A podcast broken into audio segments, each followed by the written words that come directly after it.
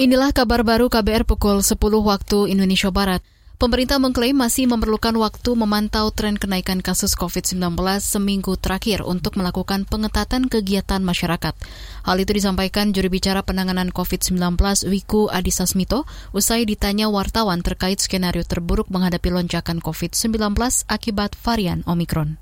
Sesuai dengan arahan Presiden terkait evaluasi PPKM, pemerintah akan terus mengencarkan program vaksinasi serta menyiapkan stok obat-obatan di apotek, memperkuat fasilitas telemedicine bagi masyarakat, tanpa gejala, pencegahan transmisi lokal di dalam negeri dengan penguatan protokol kesehatan dan pelacakan kontak erat. Juru bicara penanganan COVID-19 Wiku Adhisa Smito menambahkan pemerintah juga akan terus melakukan pengetatan di pintu-pintu masuk negara serta memperketat screening. Pemerintah, kata dia, akan terus memantau status serta mengoptimalisasi upaya pengendalian dan pencegahan penularan di berbagai lini dan sektor sosial ekonomi masyarakat.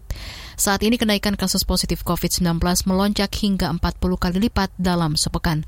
Sementara secara nasional lebih dari 55 ribu kasus. Kita ke lantai bursa. Indeks harga saham gabungan pagi ini kembali dibuka menguat. IHSG di, di Bursa Efek Indonesia menguat 16 poin ke posisi 6.724. Selain IHSG, kelompok 45 saham unggulan atau indeks LQ45 naik 4 poin ke posisi 952.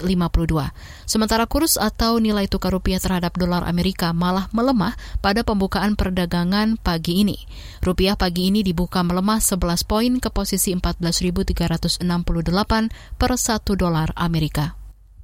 Kita ke mancanegara. Dewan Keamanan PBB mendorong pembicaraan untuk menyelesaikan situasi dan keadaan darurat yang terus diberlakukan oleh militer Myanmar.